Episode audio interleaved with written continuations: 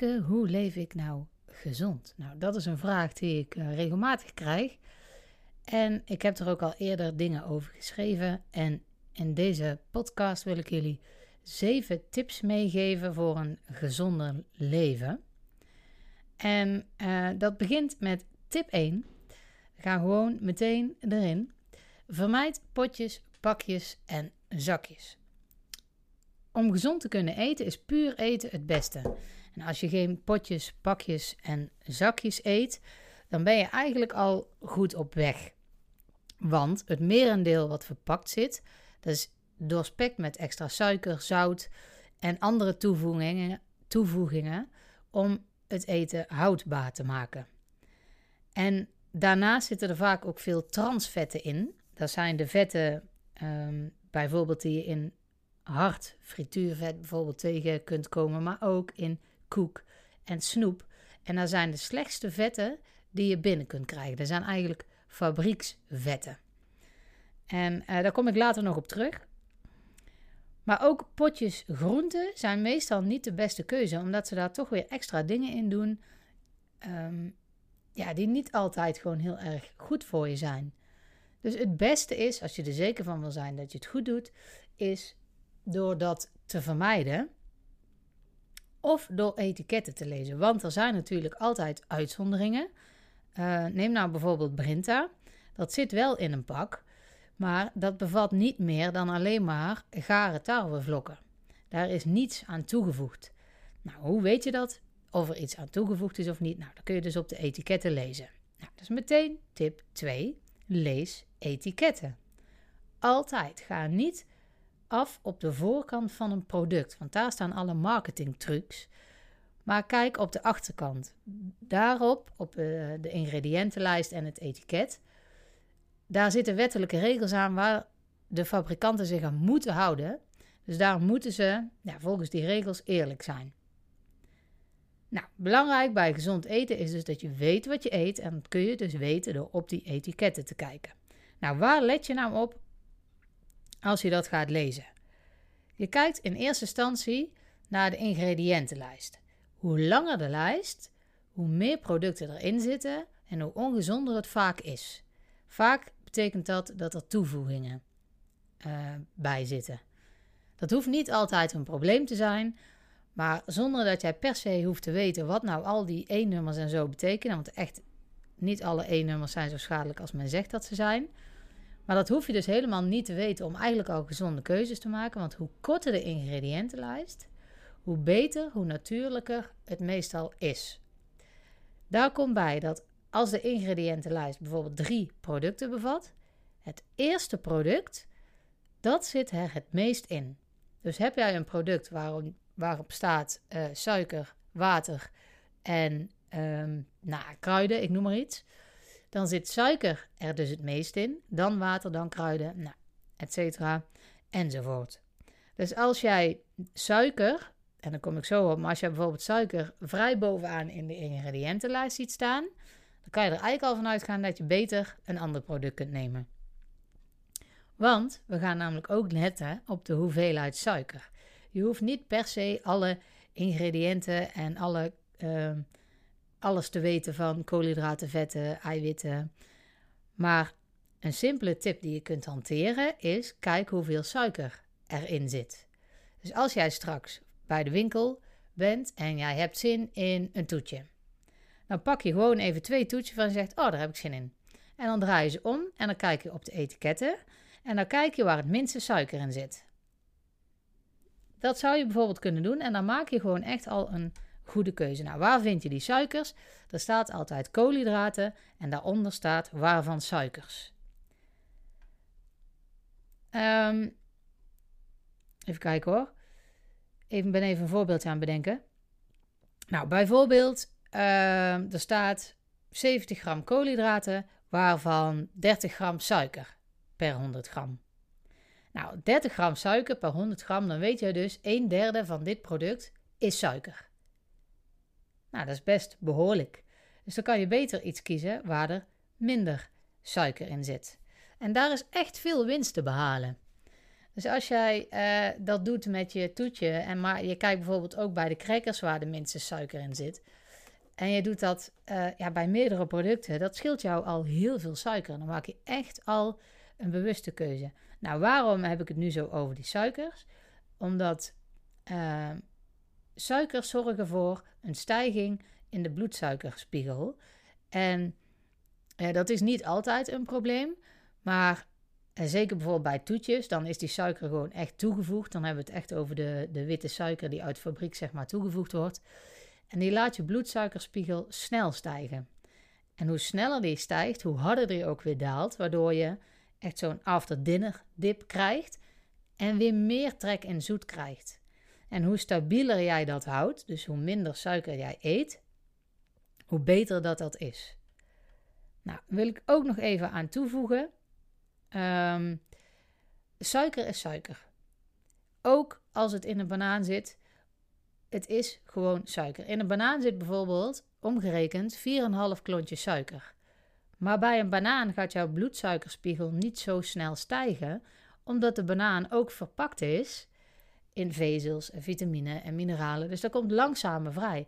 Net als met Brinta bijvoorbeeld. Er zitten heel veel koolhydraten in, maar die komen langzamer vrij. Die verwerkt jouw lichaam langzamer, waardoor je geen piek in je bloedsuikerspiegel zult krijgen. En dat is oké.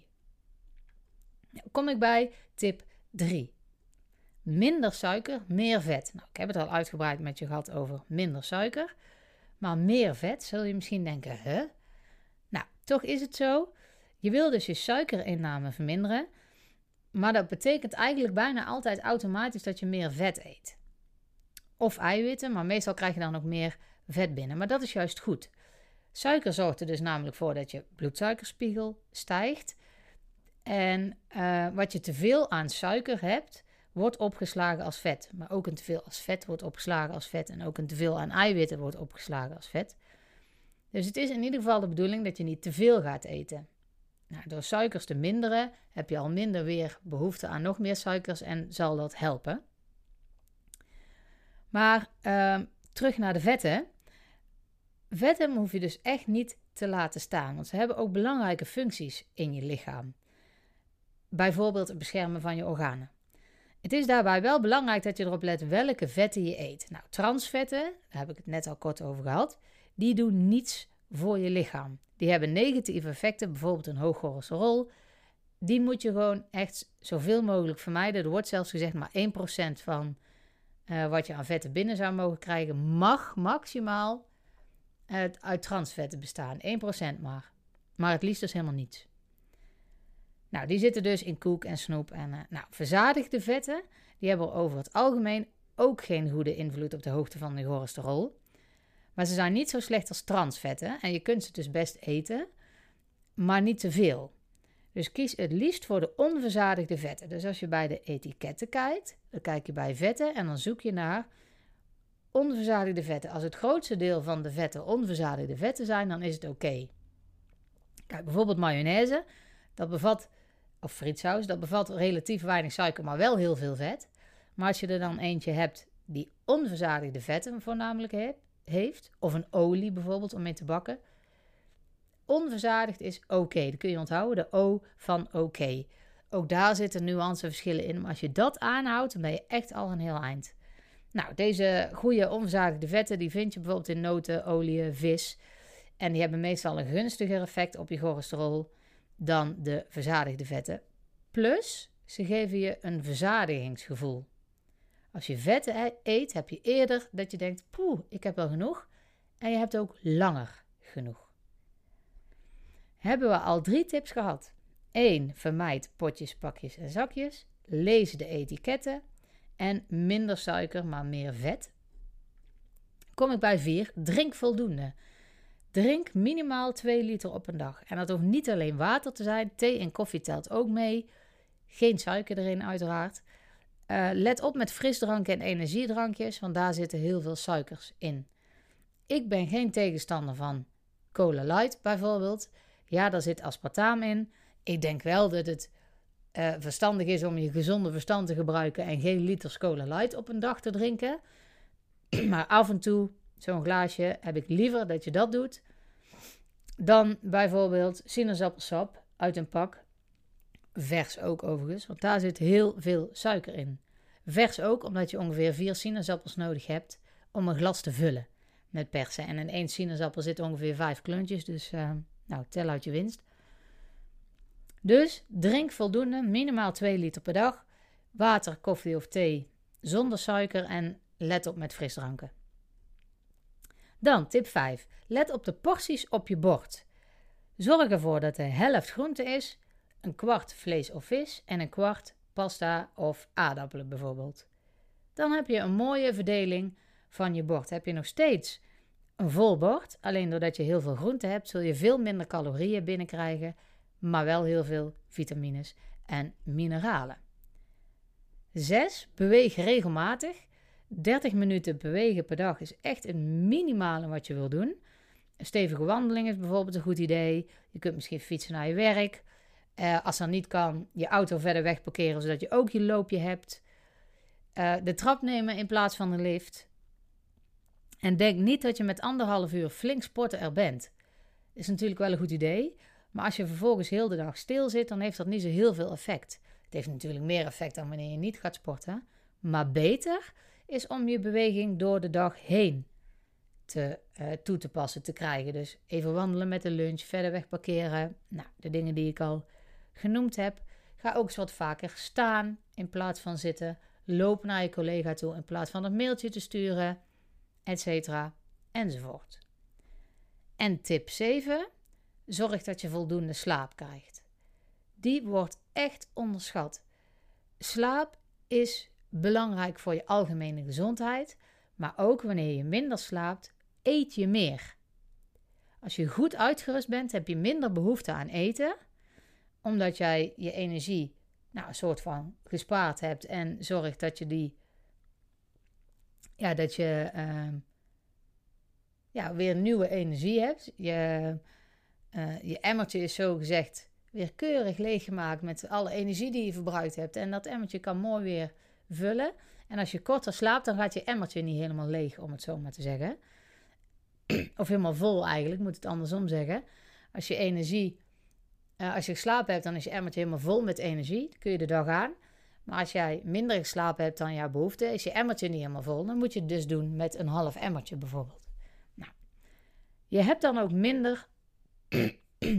oh, pardon. Je hebt dan ook meer de neiging om te gaan snijden. Omdat jouw lijf denkt van, oh, maar ik heb niet voldoende energie voor wat ik eigenlijk deze dag moet doen, want ik heb niet genoeg geslapen.